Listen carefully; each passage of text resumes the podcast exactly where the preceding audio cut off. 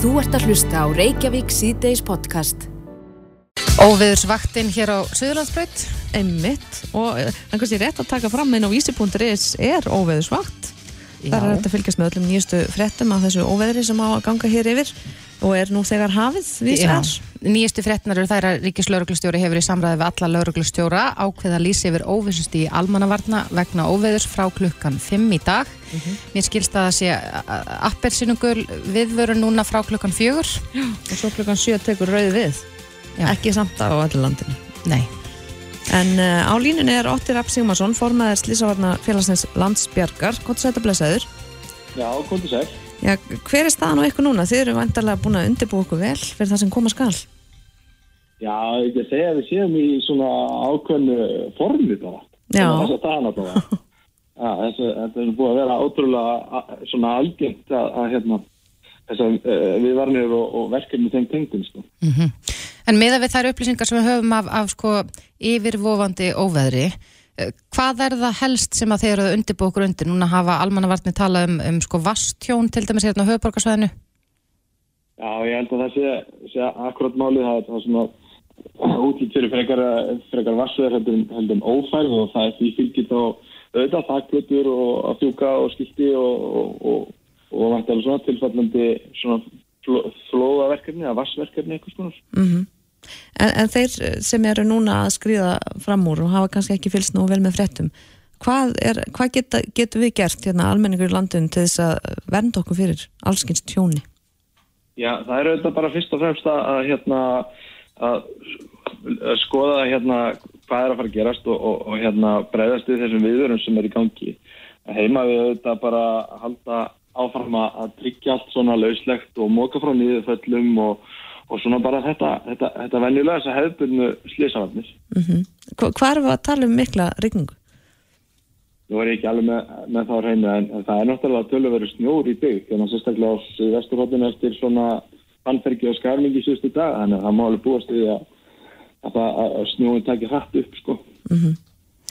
En hvernig er það? Nú eru þið, Björgunarsveitir alltaf til taks fyrir okkur. Hvernig undirbúið ykkur undir, undir svona? Er þetta spurningum að vera bara með réttan búnaðin á réttum stað og, og vona að fólk sé sem minnst að ferð?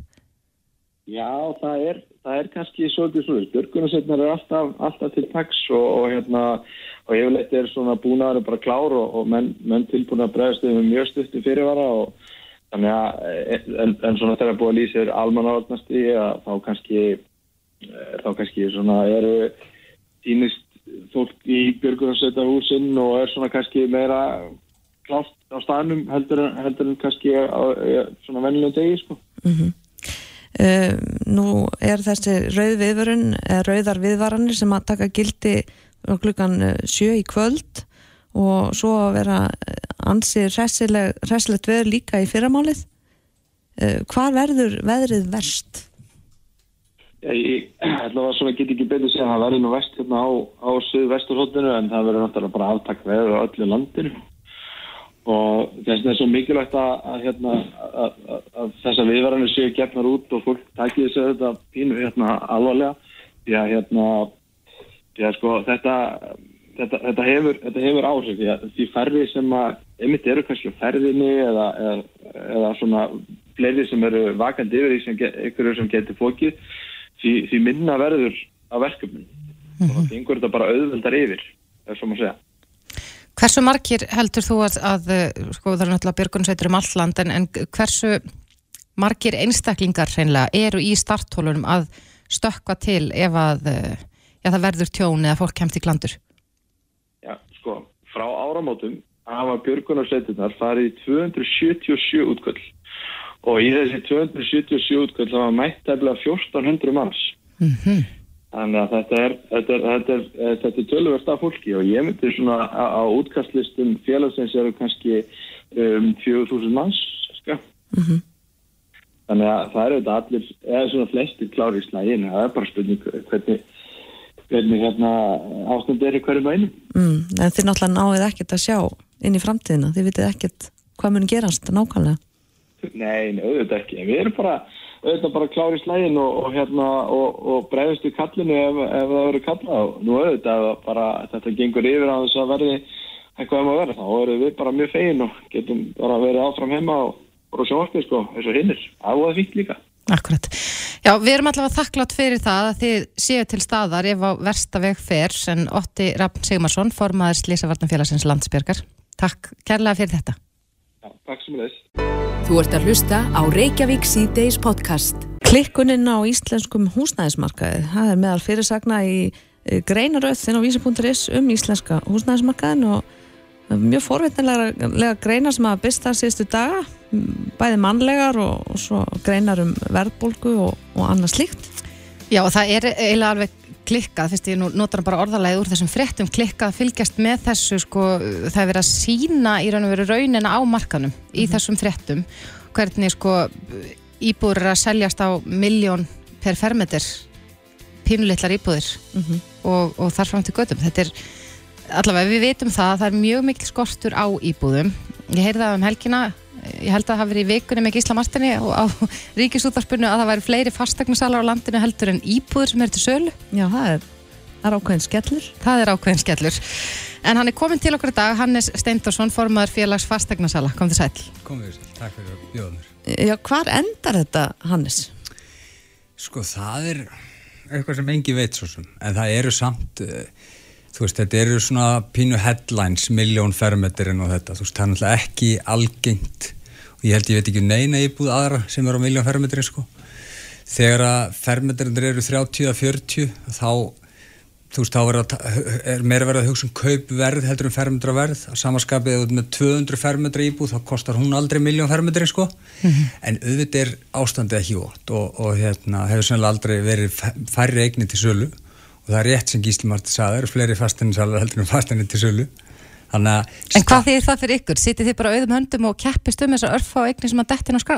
Ég raunni á það, gríðarlega samkeppni um, um eignir og skrá þetta og hefur svo sem alltaf verið mm. og hérna þannig ég veist að það sé ekkert að fara að breytast næstu 2, 3, 4, 5 árin sko mm. Þú nú verið lengi í þessum bransa? Já, ég múið þessi í 18 ár, 17 ár 18. Hvernig er þetta tímabil núna með að við önnur eins og til dæmis bara eftir hrun eða fyrir hrun? Já sko, þetta er náttúrulega allt, allt annað ástæð. Ég með minnir að 2011 hafi selst 2000 eignir á höfuborgarsæðinu mm -hmm. og maður voru 8000 í fyrra. En með fólksfjölgun þá ættu þeir að vera kannski 16.000, 15-16.000. Þannig að þrátt fyrir met ári fyrra í fjöldakaupsendinga þá erum við ennþá langt í land með við bara fólksfjölgun síðan 2007, 8, 9, 10. Mm. Og þetta er alltaf sama sko, strax eftir hún þá var rosalega mikið til.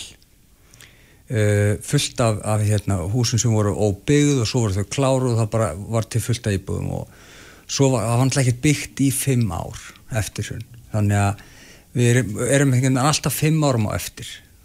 Svo eru sveitaföljan að gera sitt besta og, og það er talað um 3000 íbúður þarna og 1000 íbúður hér og 2000 íbúður þar í byggingu og svo deilist það kannski á 3-4-5 ár þannig að það þarf í rauninni að breyta umræðin í bara hvað eru margar íbúið tilbúnar mm -hmm. á þessu ári að því að ef þið ætlaði að fara að kaupa ykkur íbúð og ef hún er í byggingu og er aðfann 2026 þá hún gerir ekkit fyrir okkur í dag sko. Nei Þannig að það þarf að breyta þessu umröðunum bara hvað verður að aðfenda margar íbúður per ár mhm. heldur mm -hmm. í staðan fyrir hvað mikið í byggingu.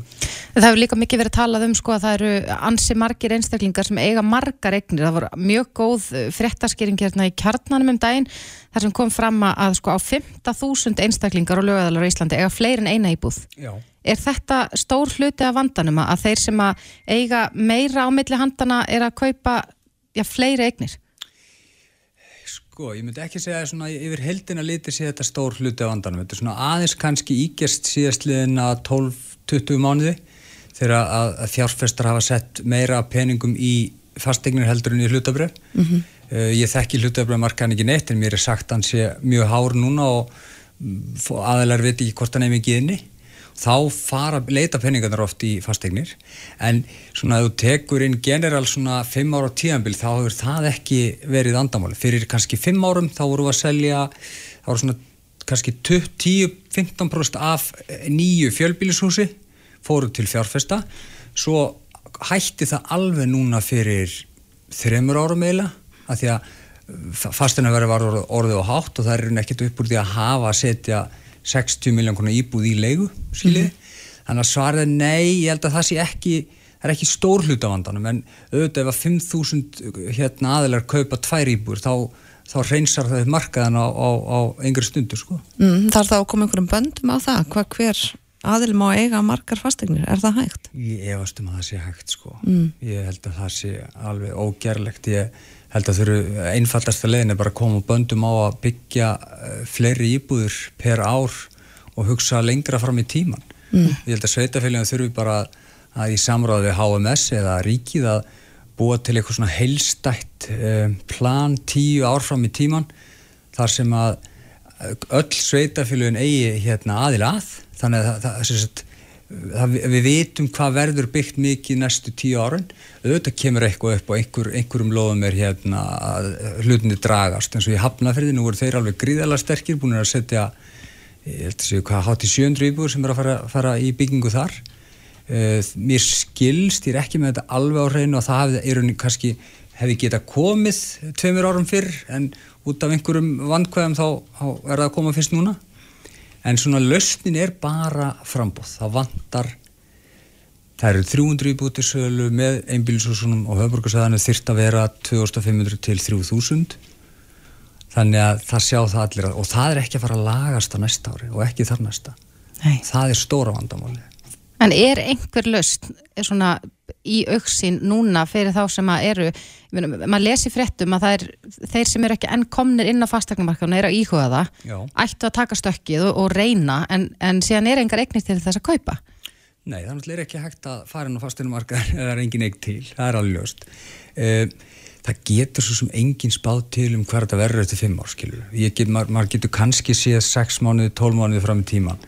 Um, en uh, vandamáli snýr að þessu sama aftur og aftur, það er bara frambúð eftirspurn. Og, og hérna þegar það eru 211 eigni til sölu fjölbíli frá Mosó út á Seltjarnes þá er ein eign í þínu hverfi og tvær í mínu hverfi. Og uh, þá komat fjórir til 40 í óbygghús en það er, það er samt rosa mikið af svona, hvað maður að segja headline fréttum uh, þannig að fara ekki allar íbúröðuverði, það er rétt um 40% sem þýðir að 60% af eignum fara á undirverði eða ásötuverði mm -hmm. en það er ekki talað um það. Það er bara talað um yfirverði um, Erum við með eitthvað meðaltal um þetta yfirverð? Sko þetta er náttúrulega er bara alls ekki algengt. Og ég hugsa meðaltalið því að tíu ár sé 3%, ég er ekki með þess að tölra hreinu, mm -hmm. en ég bara vitni í það sem maður þykist þetta um, það var náttúrulega, mér minnir að 43% eigna það fyrir yfirverðin núna í nógumberið að desember, ég man ekki hvort það var það var þá hæsta tala sem hafa komið uh, þessist þá mm -hmm. ég, ég gerir ráð fyrir að svo tala lækki 2022 að því verðin eru orðin það há að ég, ég myndi gíska á svo tala í 25% mm. sem þýðir að 75% eignu seljast ásættuð undir En, en ásætt verður ekki fara að læka? Nei, á meðan að það er ekkert til af íbúðum, þá er, á, þá er verðið ekki að fara að lækka, nema að gerist eitthvað stórkurslegt sem að enginn sér sko.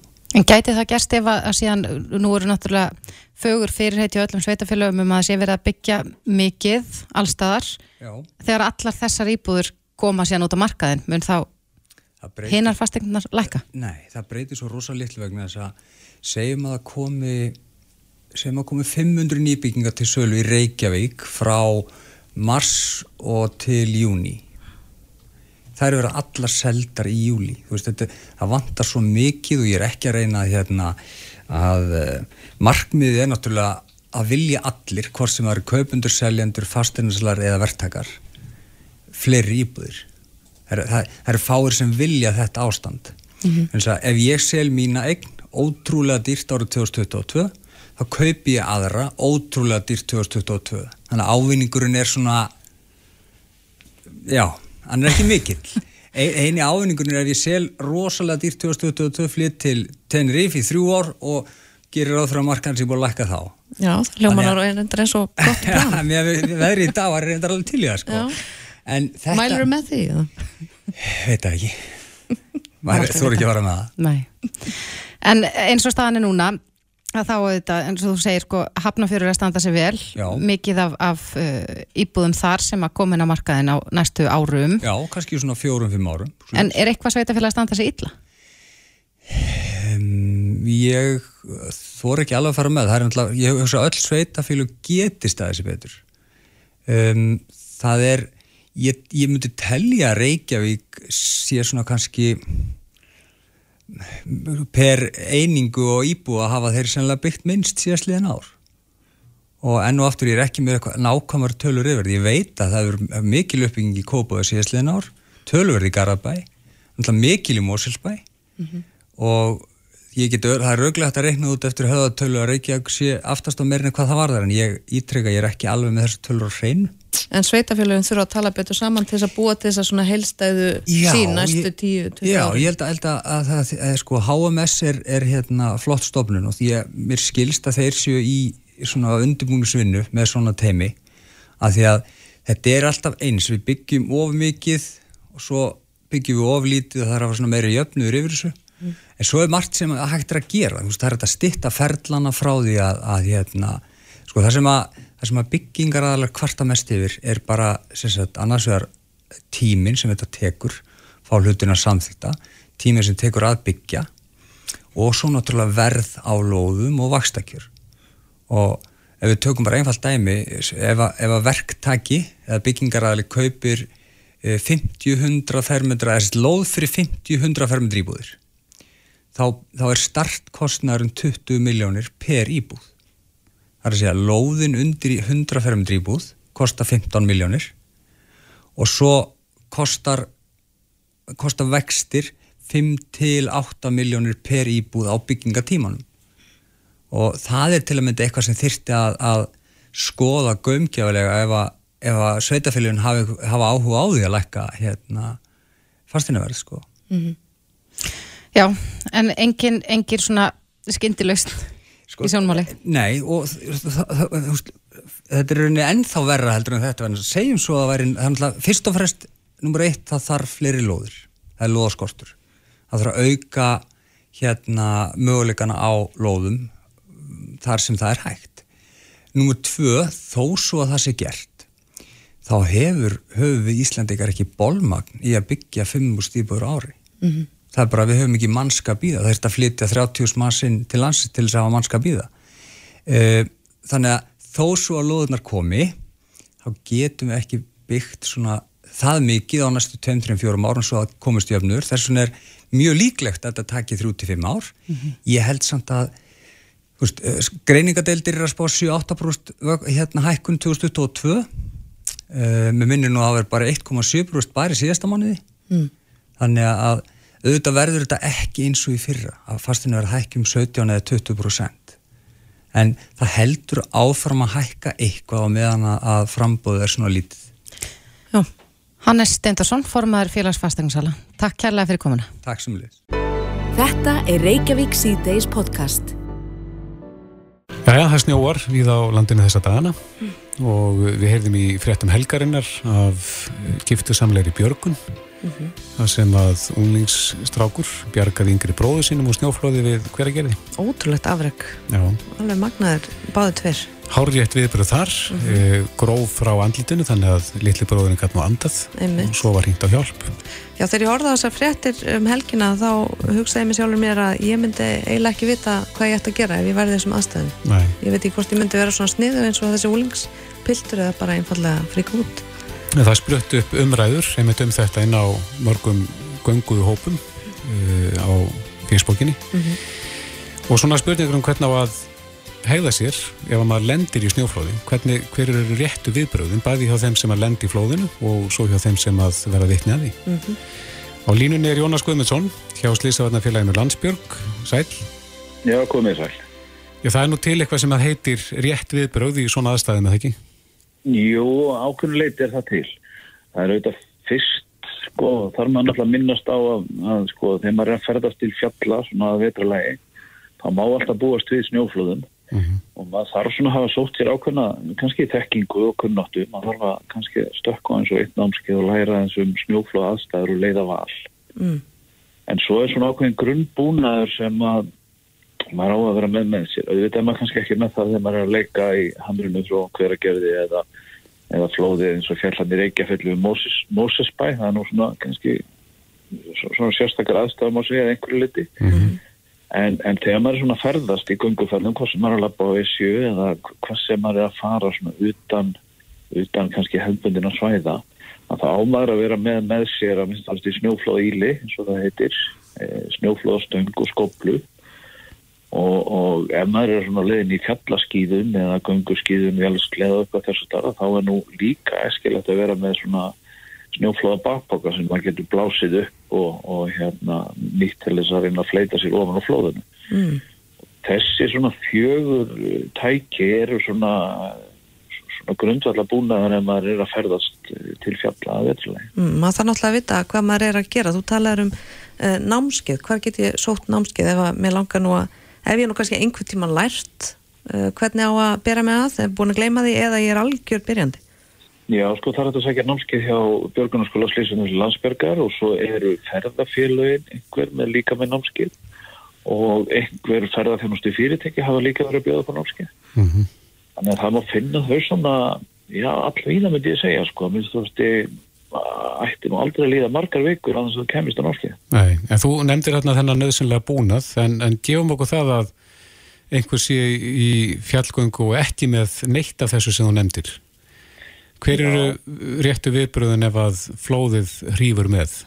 Já, sko, réttu viðbröðin eru auðvitað stundum sagt að maður er svona að reyna að vera með sundtök reyna, reyna að synda með flóðinu já, reyna að synda upp úr því en, en þetta getur þetta verið þannig að maður veit ekki alveg hvað er upp og nýður en, mm -hmm. en maður verður samt að reyna hvað maður getur. Og svo þegar það fyrir að hægja á manni þá er það að reyna að skapa sér andrými. Það er að reyna að íta með höndum eða þannig að maður hafi nægilegt andrými þegar maður stoppar.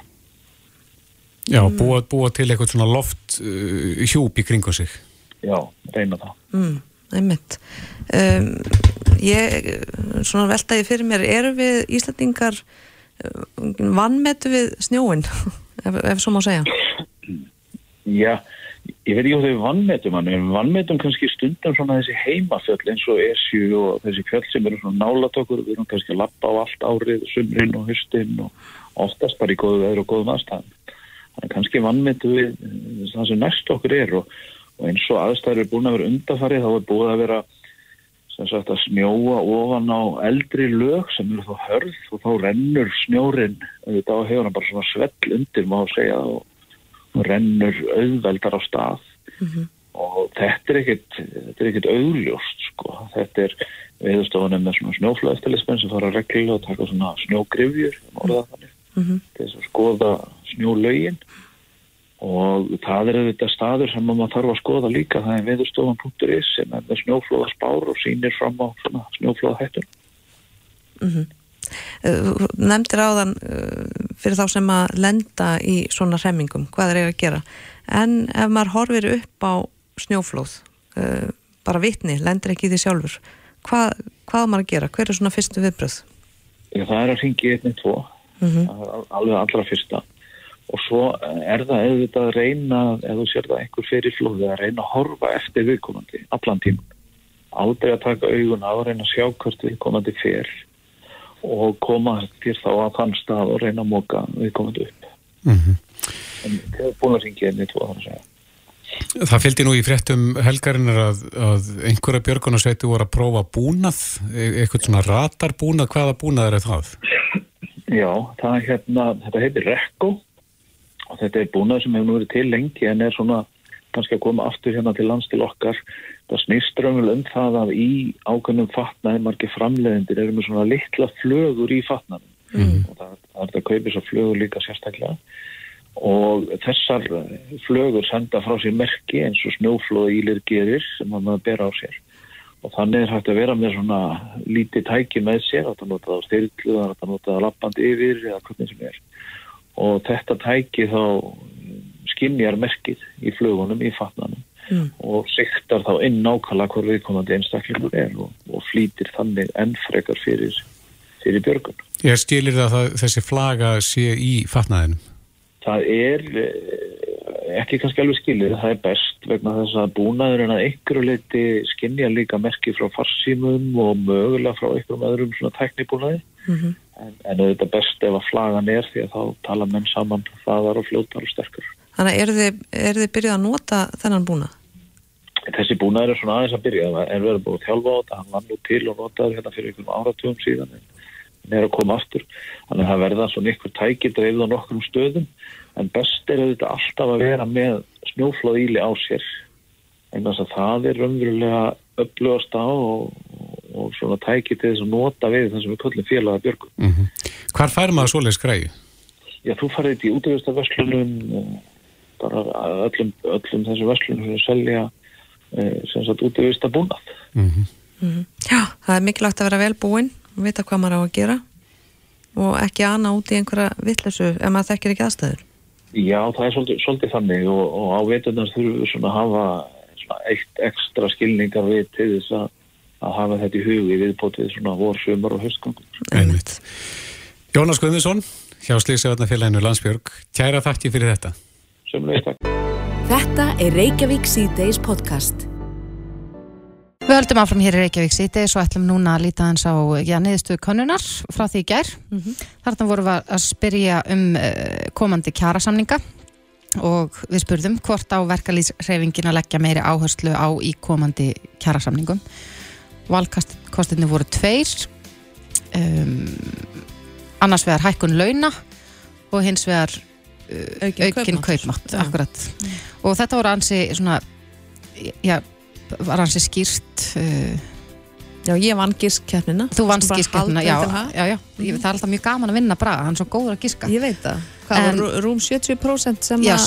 76% sem að, finnst að það ætti að leggja meiri áherslu á aukinn kaupmátt Mhm. og restin sagði hækkun launa Já. 76,2% reyndar og 23,8% sem sagði hækkun launa Frekar afgerandi. Eitthvað um 10.000 mann sem tóka þátt. Já, en við erum búin að setja nýja könnun og það tengist nú efni sem við ætlum að tala um hérna eftir fréttir og eftir. Við ætlum að ta- tala við Baldur Þórólsson, professor stjórnmálafræði við Háskóli Íslands um, um spennuna í Evrópu. Mm Það er, uh, já, samkvæmt Boris Johnson, þá stefnir í mestu átök í Evrópu frá stríðslokum. Það er spurning hvort að Baldur sé sammála því.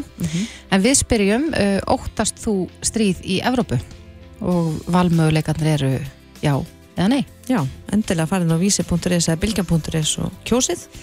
En uh, eftir stuttastund ætlum við að ræða eins við hann Viljálm Hjálmarsson, Já. forman að ég hátta samtakana um byðlista. byðlista barna, hann vill byðlista barna burt og hann Vilhjálmur er kominn og sestur hérna hjá okkur. Þú bara að byrja þetta núna Vilhjálmur, veldu velkomin hinga til okkar. Takk að þið fyrir.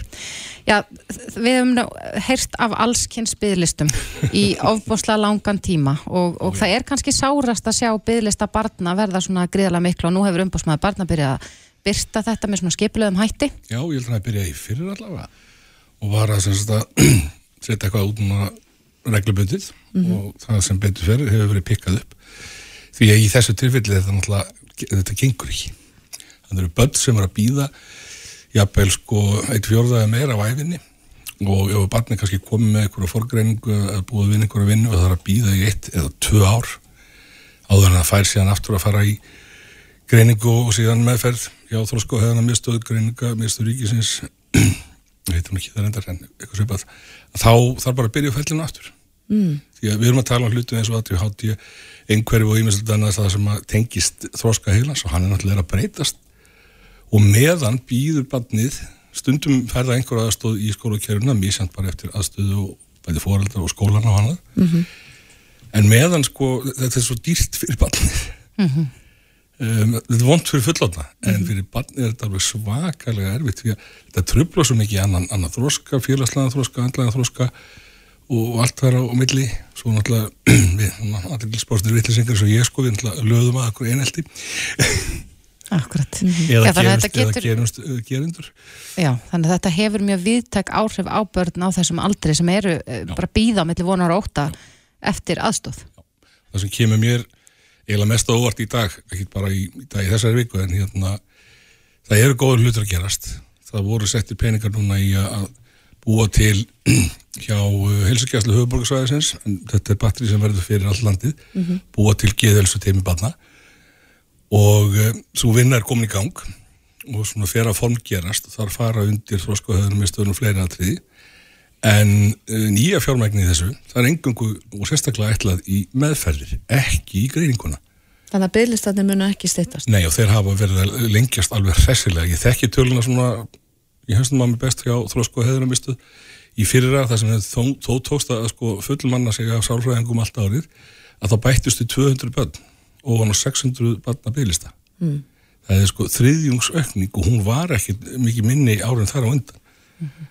Og það hefur ekkert verið sett í þetta. Nú segja mér sko mínir mínir hérna viðmælendur innan, innan svona geðhilsu, geðhilbriðis hérna gerans, segja bara hreint út, það er eins og það sé ykkur, ykkur, ykkur hérna vantrú innan ríkisgerans á því að þetta séu nöðsynlega greiningar og þess að ekki settir peningar í þetta.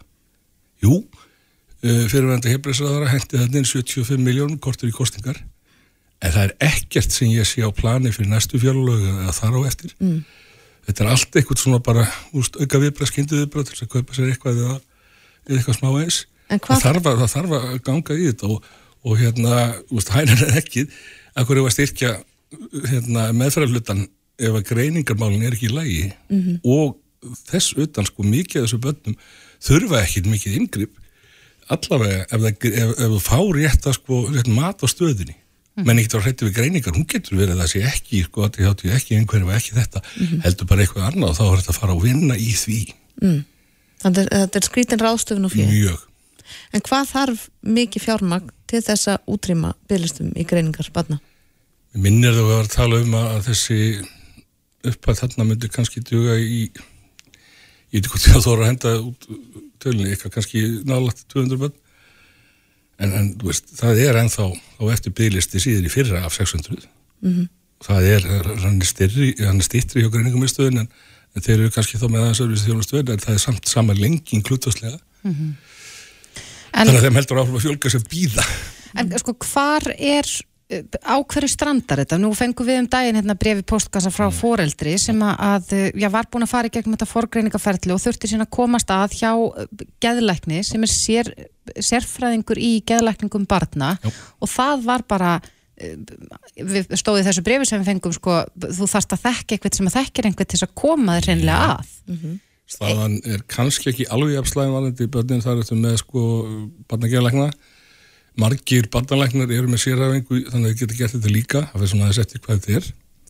Um, ef þú horfur að fullota þá er, er, er staða bara mjög einfalt, það búið að vera vitað í ansi mörg ár, ég myndi segja vel yfir ára tögu eða meira að það er skortur á nýliðin það loksist núna sem eru nokkri sko byrjaðir í sérfæðan á mig geðlækningum, hvort þeir endi sem í barnageðlækningar eitthvað annað, kemur bara ljós. Og mjög fára þeim eru að nálgast eitthvað útskipt mm -hmm. Um, það komu tveit til landsins núna í fyrra, ég er ekki eins og að nefna það að nafn, sérst að lætt út og verið að vinna þar og fluttu heim þeim var bara ráðlegt að læknum að segja ekki frá því þeir tekju við ATHT einstaklingum með aðböndum, því það myndi bara fyllast það mm. þeir taka við þeim en ef þeir hefðu sagt frá því, þá tekið svona tótaða kannski viku, þá hefðu bara næsta ári verið fullt. Þannig að vanta bæði geðalækna og fjármagn? Vanta geðalækna, vanta fjármagn mm. og það sem að kannski verða ekki vinna í núna eins og, og geðhelsestöðuna og gera það vissuleiti, þetta verður svona ákveðin teimisvinna Þetta auðvildar að útskýra varandi fullalla sko, þar á að, að setja saman sagt, innan þessa sama reikið af helskeslu höfuborgarsvæðisins en fyrir all landið. Mm -hmm. teimið það sem er aðgengi að einu með fleirum geðlegnum, sálfræðingar og svo geta heimilisleiknarnir tekið við og haldið áfram með þessum leifbyrningum vondi sko gengur þetta eftir svipað varandi bönnin en þau komast alveg ekki inn í þessi úræði nema það sé verið að sinna þessu greiningum. Og það eru bygglistættir sem eru bölið. Mm -hmm. það eru bygglistættir sem eiga ekki að vera til. Svo getum við að fara að pæla því hvort okkur vantir fleira starfsfólk eða hvernig við getum hvaða lausnir séu til, til, til að aðstóða fólk. Um, jafnvel sko það er fjölsköldur sem hafa efni á að borga fyrir þetta. Það kostar kannski myndi segja 200.000 líklega að fara með barn inn á engastofu þar sem er aðgengja sáfræðingum uh, geðleiknum annað fyrir þetta það að þau, þau eru öll komið hérna það er fullt hús allstaðar en það kostar 200.000 og það er ekkert á, á hvers manns færi. Mm -hmm. og eiginlega bara, veist, ekki, ekki margra. En þetta er myndir- mismunum í kerfinu. Við, þetta þýðir það að við erum ekki lengur með heilbriðiskerfi sem er fyrir alla. Það er fyrir útvalda og suma sem eru hefnir En ef þú myndir fá fund með Viljum Þór heilbrisáðura á morgun eh, hvað myndir þú segja við hann? Hvað þarf að gera núna? Ég veit alveg hvað hann er að gera í hinnum álunum sko, ég er nefnilega búin að tala við hann bæði sem formar uh, ADHD og formar heilbriðisóps upp í. Ekki nákvæmlega þetta máli við fáum lítinn tíma. En næsti hittan þá mun ég bara spyrja eins og ég gerði í, í bladagrein eða í frétta og í skoðun á hérna vísi.is ég spyr bara sko eftir hverju eru að býða það þarf að setja fjármægn í þetta. Þau eru bara að finna það En þarf að, þarf að- semja við einhvað þessum engaðalum til dæmis til þess að, að vinna á þessum löngu bygglistum eða það eru reynilega ekki nógu margir geðleiknar innan þessar kerfis, helbriðis kerfisins það er ekki nóg margir geðlegnar á landinu? En Eða- hann getur nú líklegast ekki töfra þá upp eða?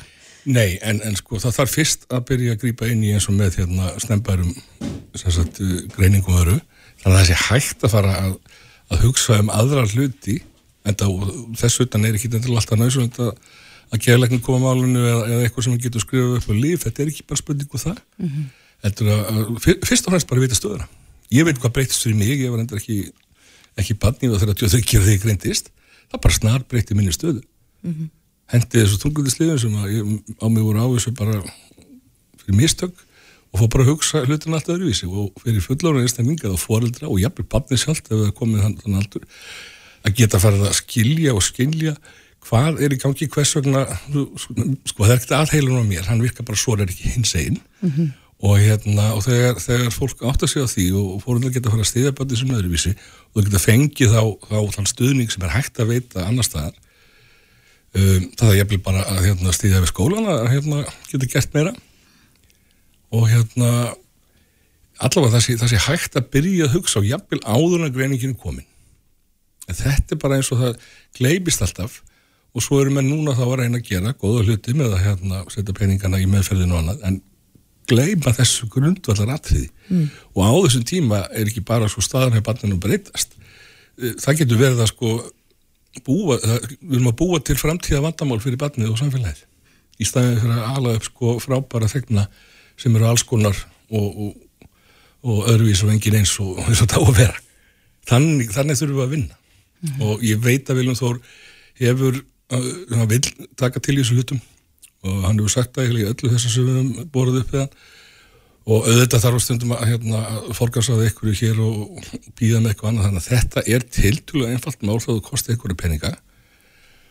Og það að skul ekki einu sinni vera sko vera að pæla í því hvort það þurfa að setja þetta meira fjármagn í næstu fjárlögum þó það sé ykkur, ykkur mánuður í þau segið mér það bara að það er engin fókus á þessu. Nei. og þú vilt að því verði breytt það á að breyta þessu, Það á að verður breyta þessu. Já, Vilhjálmur Hjálmarsson, formaður ADHD samtakana kærar þakki fyrir komuna Takk. Reykjavík síðdeis á Bilginni podcast. Þegar nú oft verið haldið fram að ástin væri blind mm. og uh, ég datt inn á nýja eða svo sem ekki nýja nýjan sjófanstátt, það er komið tvær þáttaræður af þætt sem heitir Love is Blind eða Ástin er blind á Mhm. Netflix og þetta er ótrúlega merkilegur þáttur. Já, ég fylgdist með fyrstu serju af þessum, þessum þáttum og fannst þetta mjög skemmtilegt. Mhm. ég var samt svolítið tortrykkin Já, ég, ég, ég með þér. Já, það er mjög, sérst, fyrir þá sem ekki vita þá snýst þetta um að fólk eh, já, fer á stefnumót á þess að sjá hvort annað, kynnist í gegnum samtöl og svo er eða er ekki bónorð í, eftir einhverja daga. Uh, svo hittist það í personu uh, og fer svo út í heiminn saman í fjóra vikur og ef það gengur allt upp sérst, að ytra áreiti skemm ekki samband að þá giftir parið sig. Já, ég var kannski aðalega skeptísk á hversu hratt hlutinni ganga fyrir sig þarna. Mm -hmm. að, að fólk væri bara komið á skelljarnar eftir örfa á daga og hafi ekki einu svona hort framan í Einmitt. en vissulega búin að eiga innihaldsrík og löng samtöl á þessum stefnumótum sem fóru fram sko með vegg á milli. Já, þetta er, er áhugaverð tilraun. Uh, en uh, það er spurning hvort að er ekkert annað sem spilar inn í þegar við verðum ástofangin skiptir útlitt og, og aðstæður sko, hitta vin og fjölskyldu skiptir þetta bara einhver máli uh, á línun er Brynhildur Bjóstóttir könnuður hjá hinnu íslenska ástar rannsóknar félagi góðan að blessaðan daginn Brynhildur Góðan og blessaðan daginn. Já, það, þetta er stór spurning, sko, er ástin blind? Um, ég mynd, já, hvað, hvað skal segja? Nei, hún er það ekki. Sko, samkvæmt ákveðnum kenningum, til dæmis mannfræðin sem heitir Helen Fisher, þá er í rauninni, sko, þá er ástinni eða þessari, þessum tengslu sem við kallum ást, skiptið þrjá hluta. Það er fyrst bara losti sem fær eitthvað til að vilja fjölg okkur. Mm Svo er aðlöðun og það, það er rauninni gerist þegar við finnum einhvern sem við viljum fjölg okkur með, sem passar með okkur við okkur genetýrt, þess að Mhm. og, og við reiknum það út með því að, að skanna manneskuna bæði meðvitað sem við getum þá gert í gegnum samtal en líka algjörlega ómeðvitað. Vegna þess að, að sko, þá erum við til dæmis bara að leita að genum sem passa við okkar gen. Bara er þessi með, þú veist er, er viðkomandi einstaklingur hjartveikur, nei, kannski ekki. Eða en kannski er hann veist, með veilt hjarta en ég er með rosa stert hjarta en kannski vantar mig bara, veit ekki, lengri fútlegi eða eitthvað þú getur hlaupið hraðar undan, dýr, undan villi dýrum En þetta Þannig hljómar nú ekkit, þetta hljómar ekki mjög rómantíst. Svona við erum að tala um Nei. reikningsdæmi og, og genamengi og eitthvað. Akkurat, en þetta er samt það sem að býr til þessar romantísku hugmyndir í haustum á okkur. Mm. Býr til það að það verður einhver sem er betra en allir hinni. Og einhver sem við verðum að eignast frekar en alla hinna. Einhverju leiti er þetta svona frekar frumstætt. Við erum náttúrulega bara ennþá líka með okkar en ennþá steinandi líka með sko. Við, erum, við gleymum því alltaf oft en, en við erum það. Þannig að, jú, vissulega getum við fundið einhvern sem að, sem að hendar okkur í gegnum samtal og, og ég meina þú veist, það er ekkert, ekkert sem mælir á móti því, en það eru þá væntarlega miklu frekar sko einhvers konar vinatutengsl eða andleitengsl heldur en hvað þessi líkamlega aðlöðun sem við tengjum náttúrulega við til hverju munurinn á vini og, og, og elskuða það er kannski þetta líkamlega samband sem við eigum við elskuðan okkar. Akkurat. En, en hversu sko, líklegt er að sambönd sem að, hefjast á þennan máta sko, án alls áreitist, þú ert ekki með samfélagsmiðla, vini, fjölskyldu, uh, vinnustað, þú ert ekki með neitt annað sem að er, er veginn að fanga hugðin nema þessi eina manneska á þessum tiltekna tíma og svo kemur fólk út í lífið og þarf að takast á við allt sem því fylgir bara hverstasleikan og allt. Eru, eru góðar líkur að fólk geti er hreinlega komist í gegnum þann skapl? og það er náttúrulega hérna það, það fer náttúrulega eftir því sko að hverju fólk er að leita fyrir fyrst og fremst eftir því vegna þess að sko ef þú ert að leita að einhverjum sem þið lífi vel með í ró og næði þá náttúrulega vissulega gengur það upp en ef þú ert að leita einhverjum sem að kannski einmitt fellur inn í þitt daglega líf og, og, og, myndi mögulega höndla þig með öllum þínum sko kostum og kynjum af því að sumum hendar rosalega vel að vera einir og loka þér af. Öðrum, öðrum einstaklingum hendar það bara mjög illa. Og þú veist, þetta er spurningum að vera extrovert eða introvert sko, þú, veist, þú, þú getur verið bara næst á því að vera í félagslegu umhverfi og aðrir sem að taka næringu sína frá því að eh, vera einn Mhm. og svo eru þetta líka náttúrulega að þú veist, auðvitað til fólk sem að sagt, kynnist til dæmis bara kynnist á netinu og á í kannski margra ára ástafsambandi á netinu hittist hérna í raunheimum og allt smellur sem að það hefur alveg heyrt um svo leiðis fólk. Mhm. en það er kannski ekki alveg svona áreitis löst eins og fólkið í Love is Blind. Maður, svo náttúrulega líka kannski getur þið gengið út frá því í Love is Blind, ég er reyndar að verða viðkynni, ég hef ekki kynnt mér þættina mjög náið, en þú getur kannski gengið út frá því að viðkomandi manneskja falli að einhverjum ákveðnum útlitstöðlum mhm. þannig að hérna þú Já, það sé þessi búið- fyrst í sjónvarpi að búa að reikna þetta svona einhverju leiti fyrir mann. Já, allavega, þá, já, allavega geta viðkomandi einstakleikar kannski gengið út frá því að þau séu bæði e, samkvæmt einhverjum hefðbundum stöðlum líkamlega aðlagandi Mm og við höfum auðvitað, já, fyrir ekki Já, nei, hald þú frekar áfram, þú ert já. Nei, ég er, ég er að tala um hérna, sagt, ég er að hugsa um líka sögur eins og sem, var til dæmis eh, hérna, gamanleikur sem var skrifaður einhver tímun í múan ekki hvernig hann var skrifað, Sýranandu Bersirak Mm það sem að var sem sagt uh, maður sem að var mjög ástfangin af, af konu uh, ung, ungri konu nema hann, hann var sjálfur svona freka mig aldra og ekkert, ekkert sérstaklega stættur en, en óbúslega orðhægur Mhm. þannig að hann fekk í raunin og þetta svo sem hefur verið spilað í gegn, þetta hafi verið í mynd sem hér trúða bótt Cats and Dogs og eitthvað, svo, eitthvað fleira sko, þannig að hann í rauninni sko skrifaði henni en faldi sig bak við útlitt hins. Þess að þóttist, skrifaði bref í nafni eitthvað annars sem var var, var leit, leitil út, það var ungur ég maður ekki og hérna og vann hjarta stúlkunar með því að vera sem sagt, með, með, með, með orðum sínum. Og svo, svo verður svona upp, uppgjör þar sem að hinn raunverulegi persónleiki kemur í ljós. Og þannig að þetta er ekkert nýtt að við vestum fyrir okkur hverju við verðum ástfangin af og, og, og, og hvernig.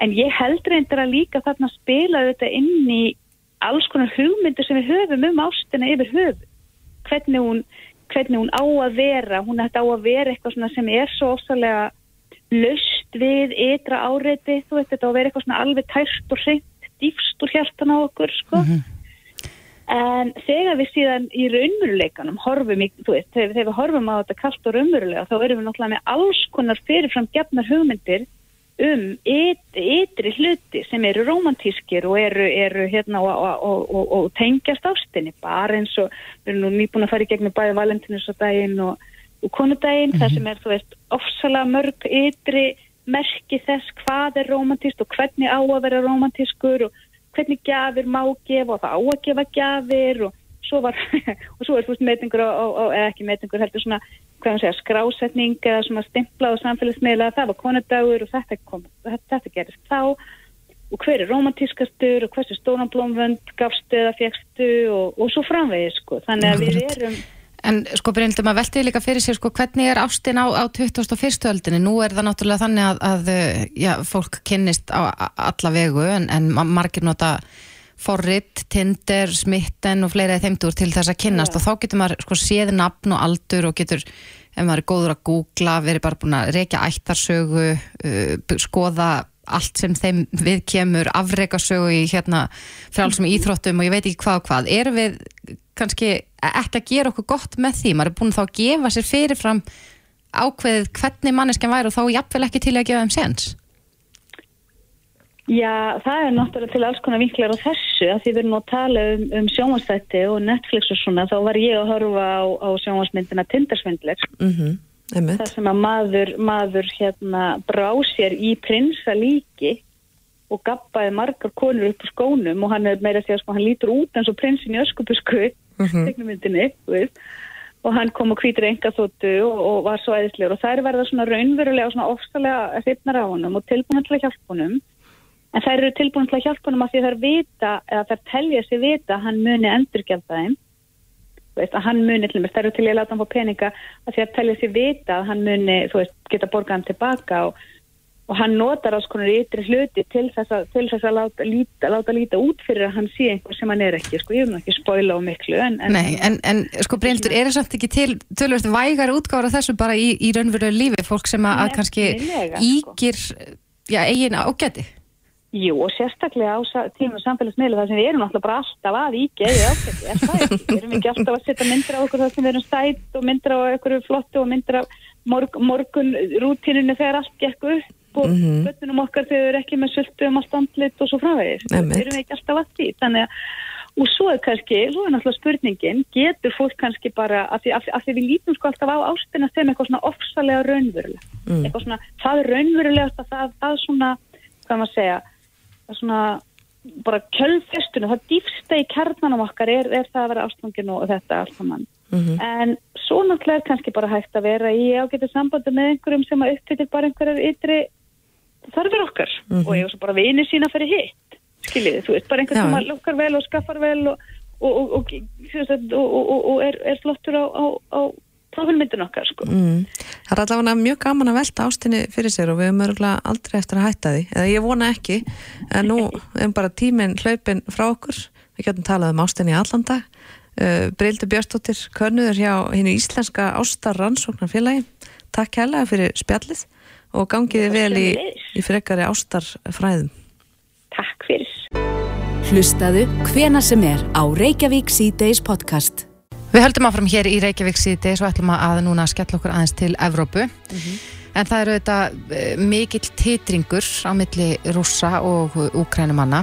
Uh, Þórtís Kolbrún Reykjur Gilvadóttir sagði í fréttum í dag að hún sagði að það væri ekki öll von úti um diplomatíska lausn í þessari deilu. Og mér skilst að Biden sé allir að, að hitta Putin og, og ræða málinn. Já, uh, Boris Johnson, fórsetisraður af Breitlands, sagði að sönnagögn væri fyrir því að rússar sé að skipleggja stærsta stríði Evrópu síðan árið 1945 Takk fyrir þetta saðan um helgina þannig að maður veit ekki alveg hverju maður á að trúa í þessu máli Nei, á línunni hjá okkur í dag er Baldur Þóraldsson, prófessor í stjórnmálafræði við Háskóla Íslands. Komdu sætt Baldur. Komið í sælar. Ja, hvernig metur þú stöðuna núna? Er, er miklar líkur á innrás rúsa í, í Ukrænu? Það eru enn þó nokkra líkur á einrás.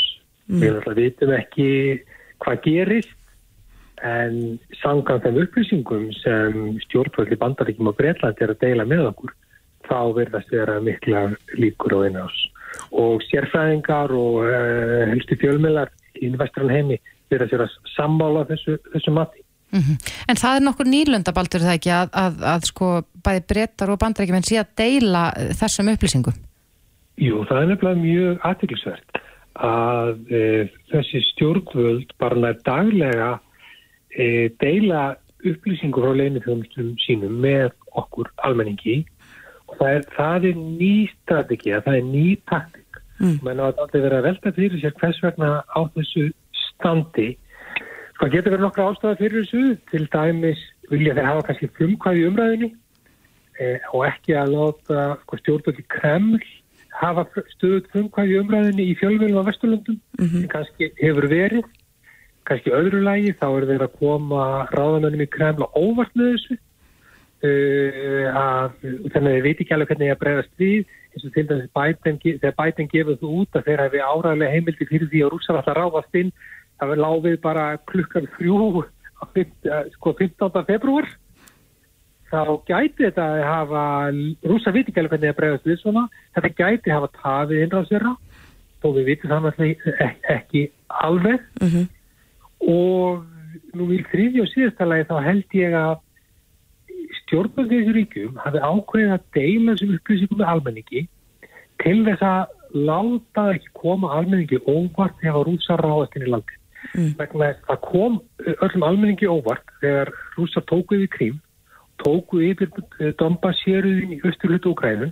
Það kom líka almenningi algjörlega óvart þegar Taliban náði völdum í afgarrestan og nok nokkur dögum eftir að banderski hermi fóru það á landi. Mhm. og leini þjónustur bandaríkjana viss grunna að þetta geti gæst nú er bara ákveðið að deila þessu með almenningi þannig að það, það sé minna svona huldu hvað þetta varða Þannig að rauninni sama hver ástæðin er þá er þetta nokkuð klókt. Já og ég held að fólk sé bara einfallega væð, sko þakklátt fyrir þessar upplýsingar. E, og, og þeir eru, þeir eru líka náttúrulega að vera reyna að árifa atbyrðarásandi með þessu. Við megum kannski ekki alveg taka allt sem gefnu sem kemur kannski frá leiðinu þjóðnum þessar ríkja og stjórnvöldum. Við getum þessi ekki kannski trúa öllu sem kemur frá þeim þó að það sé náttúrulega ekkert að marka sem kemur frá ráðamönnum í Kreml í stöðuna. En þegar maður tekur saman hvað e, stjórnvöld í London og Washington er að deila með okkur. Hvað helstu sérfræðingur og öryggis og varnamálum Evrópur að segja? Hvað helstu fjölmennir í vestu Evrópur að segja? Það verðast að vera komað til svipari niðurstöðu? Að við stöndum e, frammi fyrir yfirvofandi bara mestu strísátökum í Evrópu sem við séð frá dögum síður heimtildar. En Baldur, við hérna á Íslandi erum með þetta eiland. Hvaða áhrif myndi þetta hafa, eh, eða myndu áhrif þessa stríðs tegja sig hingað? Að vissuleiti myndu gera það og ég hef aðeins verið hissað í hvað íslenski djórnmálamenn ræða þetta lítið. Mm. Það er sín á milli að að skuli ekki vera umræður á alþingjum þetta, að þeir ræði ekki við sína kjósendur, sko ég bara í fjölmjölum um þetta, vegna þess að þó er náttúrulega NATO sé ekki að fara að lenda í stríði við Rúsland, því að NATO ætla sér ekki að verja Úkrænu, við munum bara að lefa að taka landi yfir þeir ráðast heim, þá ef, ef við erum að horfa á allsýra innrús, þá er það gjör breyta skipan öryggisvarnamála í Evrópu. Í fyrsta lagi, rússar eru til allsvísir, það er ekki að e, til að vera til allsvísir, við munum horfa líkla upp á að vera allsýra innrús, hundruðu þúsunda, ef ekki miljóni flottamanna streyma frá Úkræðinu yfir til mið- og vestur-Európu. Við munum ekki fara varhlut af því. Við munum sjá okkur hundruðu úkrænska flottamanna sækja hér á mæ og ef ætla bara að koma hinga til lands. E, þetta mun líka lega til þess að það verðir meiri uh, hérna herrvæðing hér í hafinu kringum okkur bæði halvu rússa og, ba- og, og, og bandarækjumanna uh, og við getum líka hort upp á gjörbreyta mynd í vartamálum og Norðurlandana. Ég tel þó nokkra líka á því ef að rússar ráðast inn í Úkræðinu að Finnland og Svíþjóð munu ganga bara í alltaf þessu bandalagi. Mm. Þannig að það, það mjög margt breytast í öryggis og vartamálum í Evróp ef að þessu verður og, og þess vegna finnst mjög mikið vegt að ræða þetta. Mm En ef að rússar ráðast inn í Úkrænu, er það þá bara klift og skorið þeir taka yfir landi? þeir eru með miklu öllu herabla heldur Úkrænu her Mm þó að Úkrænu her sé núna betur búinn að takast á fyrir rúsneska herin heldur 2014 en sko rúsa geta farið ímsa leiðir. Sko þeir þurfi ekki endilega að vera með alþýrja innrás. Sko þeir gætu ætla sér sko að ráðast á sko austur hluta Úkrænu þannig að tengja þau héru sem ráða yfir í dag í svona norðustur hluta landsins í Donbass við Krímskaga. Mm. Á því stóra landsvæði sem er á milli hérana sem aðskilnaða sinna Úkrænu ráða yfir dag og núna Krímskaga sem er rússaröfum taka yfir. Þið getur vilja hafa þarna sko brú á milli eða bara land sem tengir þessi svæði og ná þessu. Það getur verið eitt eða þá bara ná yfir allt landið og menn telja nú almennt að það myndum ekki endilega taka þá langan tíma Nei. en þó að Úkrænum menn getur stund að skæru herna lengi og það sem náttúrulega maður ótt að þetta verði, þetta verði mjög blóðum Já. ég tala ekki um eins og, og Bandaríkinn og Breitland er að segja þegar ætli sé bara að sprengja bara helstu staði í kælugarði en það þýðir alveg gríðalegt mannfall það er bara ekkert öðru vísi Nei. En nú hefur þessi spenna verið nokkuð lengi. Ættum við að búast við því að það verði áfram svona titringur eða, eða er einhver svona, já, svona tímamörk á því hv- hvort að þeir reynilega hætti við eða, eða uh, hvort að þetta verði reynilega bara yfirvofandi eitthvað tíma enn? Það er góð spurning. Vegna þess að ef þeir fari ekki núna, þá held ég að þessi hætta sé komin til að vera. Og ég drefa að því að núna var bara yfirlýsing frá í dag frá stjórnvöldinni Kvítarúslandi að þessi rúsneski herafli sem þar í landinu, 30.000 hermenn, þeir ætla ekki að snúga tilbaka núna eftir herafökunar, heldur vera þarna bara áfram um, eitthvað tíma. Mm. Ég myndi að gera ráð fyrir þessu bara komið þarna til að vera. Það eru svo mikið náið samband á milli Belarus og Rúslands að rúsneski herma séu bara komið til að vera það í landinu við landamæri Úgræðinu. Þannig að ef rúsar ráðast ekki inn e, e, næstu vikurnar, næstu dag eða vikur, þá munir þeir halda áfram e, að opna Úgræðinu til þess að fá Úgræðinu af því að ganga í NATO. Mm Já, einmitt það. Við höldum áfram að fylgjast með þessu hér í Reykjavík síðdeis en eh, Baldur Þóraldsson, professor í stjórnmálafræði, takk hjálpa fyrir spjalli í dag. Takk ykkur. Bless. Reykjavík síðdeis á Bilginni podcast. Ég rakk augun í forvetnilegan viðburð á Facebook, fésbókinni, þar sem félag sem heitir Cheerleaders Iceland eða klappstýrur á Íslandi er að leita að klappstýrum. Já, ert að spája að fara í pröfu? Já, það er aldrei að vita ef við kannski nælóks að gera eitt stekki handalöp þá myndum við kannski fara að Já, akkurat. En það nú bara var hérna í síðustu viku eftir ofurskálina að við rættum við um, já, formann hjá Einherjum sem er amirist uh, fótboltalið Já. hér á landi og er þetta ekki svona, órjúvanlegur partur af sko ameríska fótboltan með klappstýrnar Jú, og bara, bara, íþróttum yfir höfuð í Já, bandaríkjunum Ég held það, það eru klappstýrir á, á flestum leikjum finnst manni. En uh, Eva Íris Eyjálsdóttir er á línunni og hún er klappstýra. Kontu sæl blessuð. Cheerleaders Iceland, þú, þú verður eiginlega að by- byrja því að útskýra fyrir okkur, er, er þetta gamalt félag eða nýtt og af hverju er það stofnað? Herði, þetta er bara frekar nýtt, var stopnað árið 2020 í COVID Mm. og það er stopnað að Jefu sem að var klappstýra í Litáen allar sína tíð og flytur svo til Íslands og leitar þá að klappstýru liði til að dansa með hér á landi en grýpur í tómt eins og gefur að skilja. Mm og í staðin fyrir að hérna, láta þarfi sitja þá ákváðum bara að stopna sína eigin klappstýru deilt og, og við dönsum sögð fyrir körfuboltaliðin hjá haugum og stálúlfum sem er sérstakt hérna, körf, körfuboltalið innan hauga. Já, og býtu þar félagið stopnað 2020 og, og ég var fyrir að leita að, að klappstýrum hvernig gekk það? Hvar leitaði hún og fann hún marga sem vildi vera með?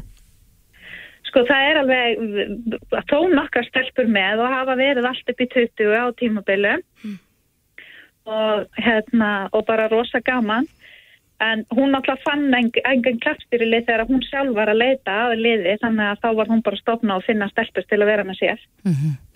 En er sko, eins og Leilja sagði ef hún gæti farið í handalöp þá myndi hún kannski fara í, í pröfu. Eh, þarf maður að hafa mikinn grunn í þá hva, fimmleikum dansi til þess að geta verið með? Alls ekki. Við erum bara uh, alls konar sem erum í klappstýruleginu og það er bara fundið hlutverk fyrir alla. Þannig að mm. þú þarf alls ekki að kunna handalöp. Það er bara að mæta og hafa gaman. Já, en, en aldur, er, er aldur eitthvað, spilar hann inn í? Alls ekki. Við erum faktist frá 14 ára og upp í 40. Þannig að það er bara allir aldur og allir spila bara rosa vel saman. Mm -hmm. Er þetta, þetta engangu konur?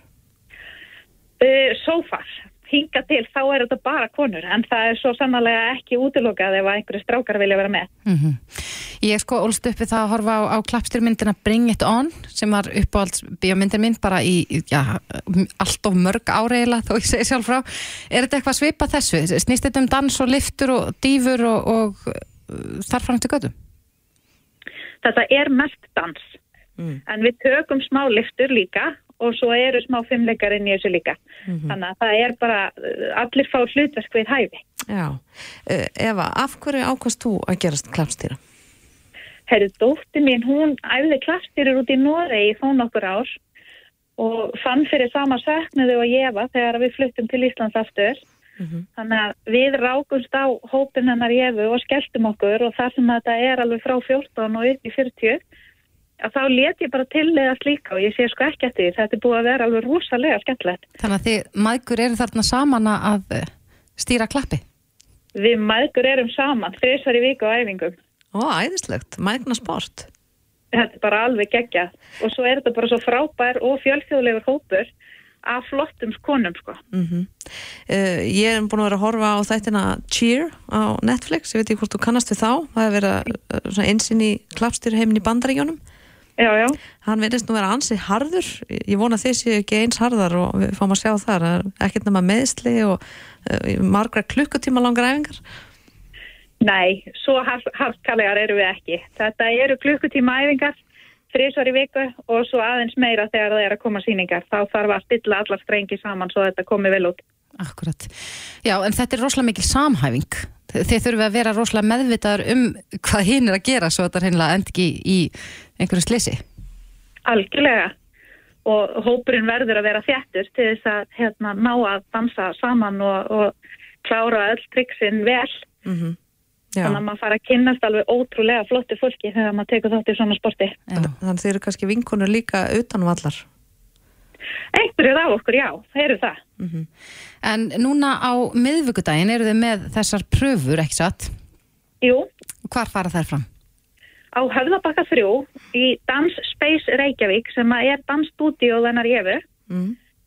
og það er klukkan 8 um kvöldið. Og þarf maður hérna, að, að skrá sig eða eitthvað svo leiðis?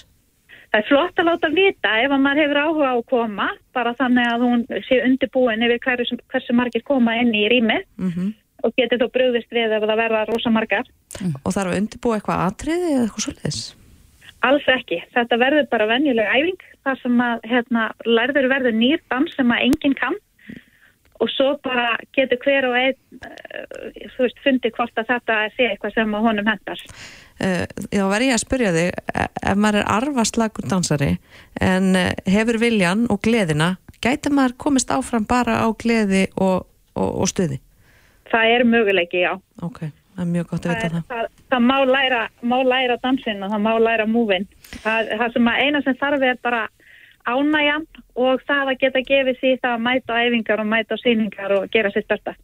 Já, en þetta eins og, eins og framkemur inn á, á Facebook síðan í Cheerleaders Iceland að þá er þetta eina uh, klappstýru liðið hér á landi og þú talar um að uh, sko dóttir þín var að æfa þetta í Noregi erum við svolítið eftir á hvað þetta varðar vantar klappstýrur í, ba- bara á fleiri sko íþróttalegi hér Algjörlega. Þetta er bara alveg ótrúlega skemmtilegt sport og það er svo gaman að fylgjast með því bara öllum dansinum og, og liftunum og öllu að hérna, mér finnst þetta að vera algjörlega sárvanda á Íslandi og það ættu öll félög að vera með eitt svona lið til að skemmta í hljóðan.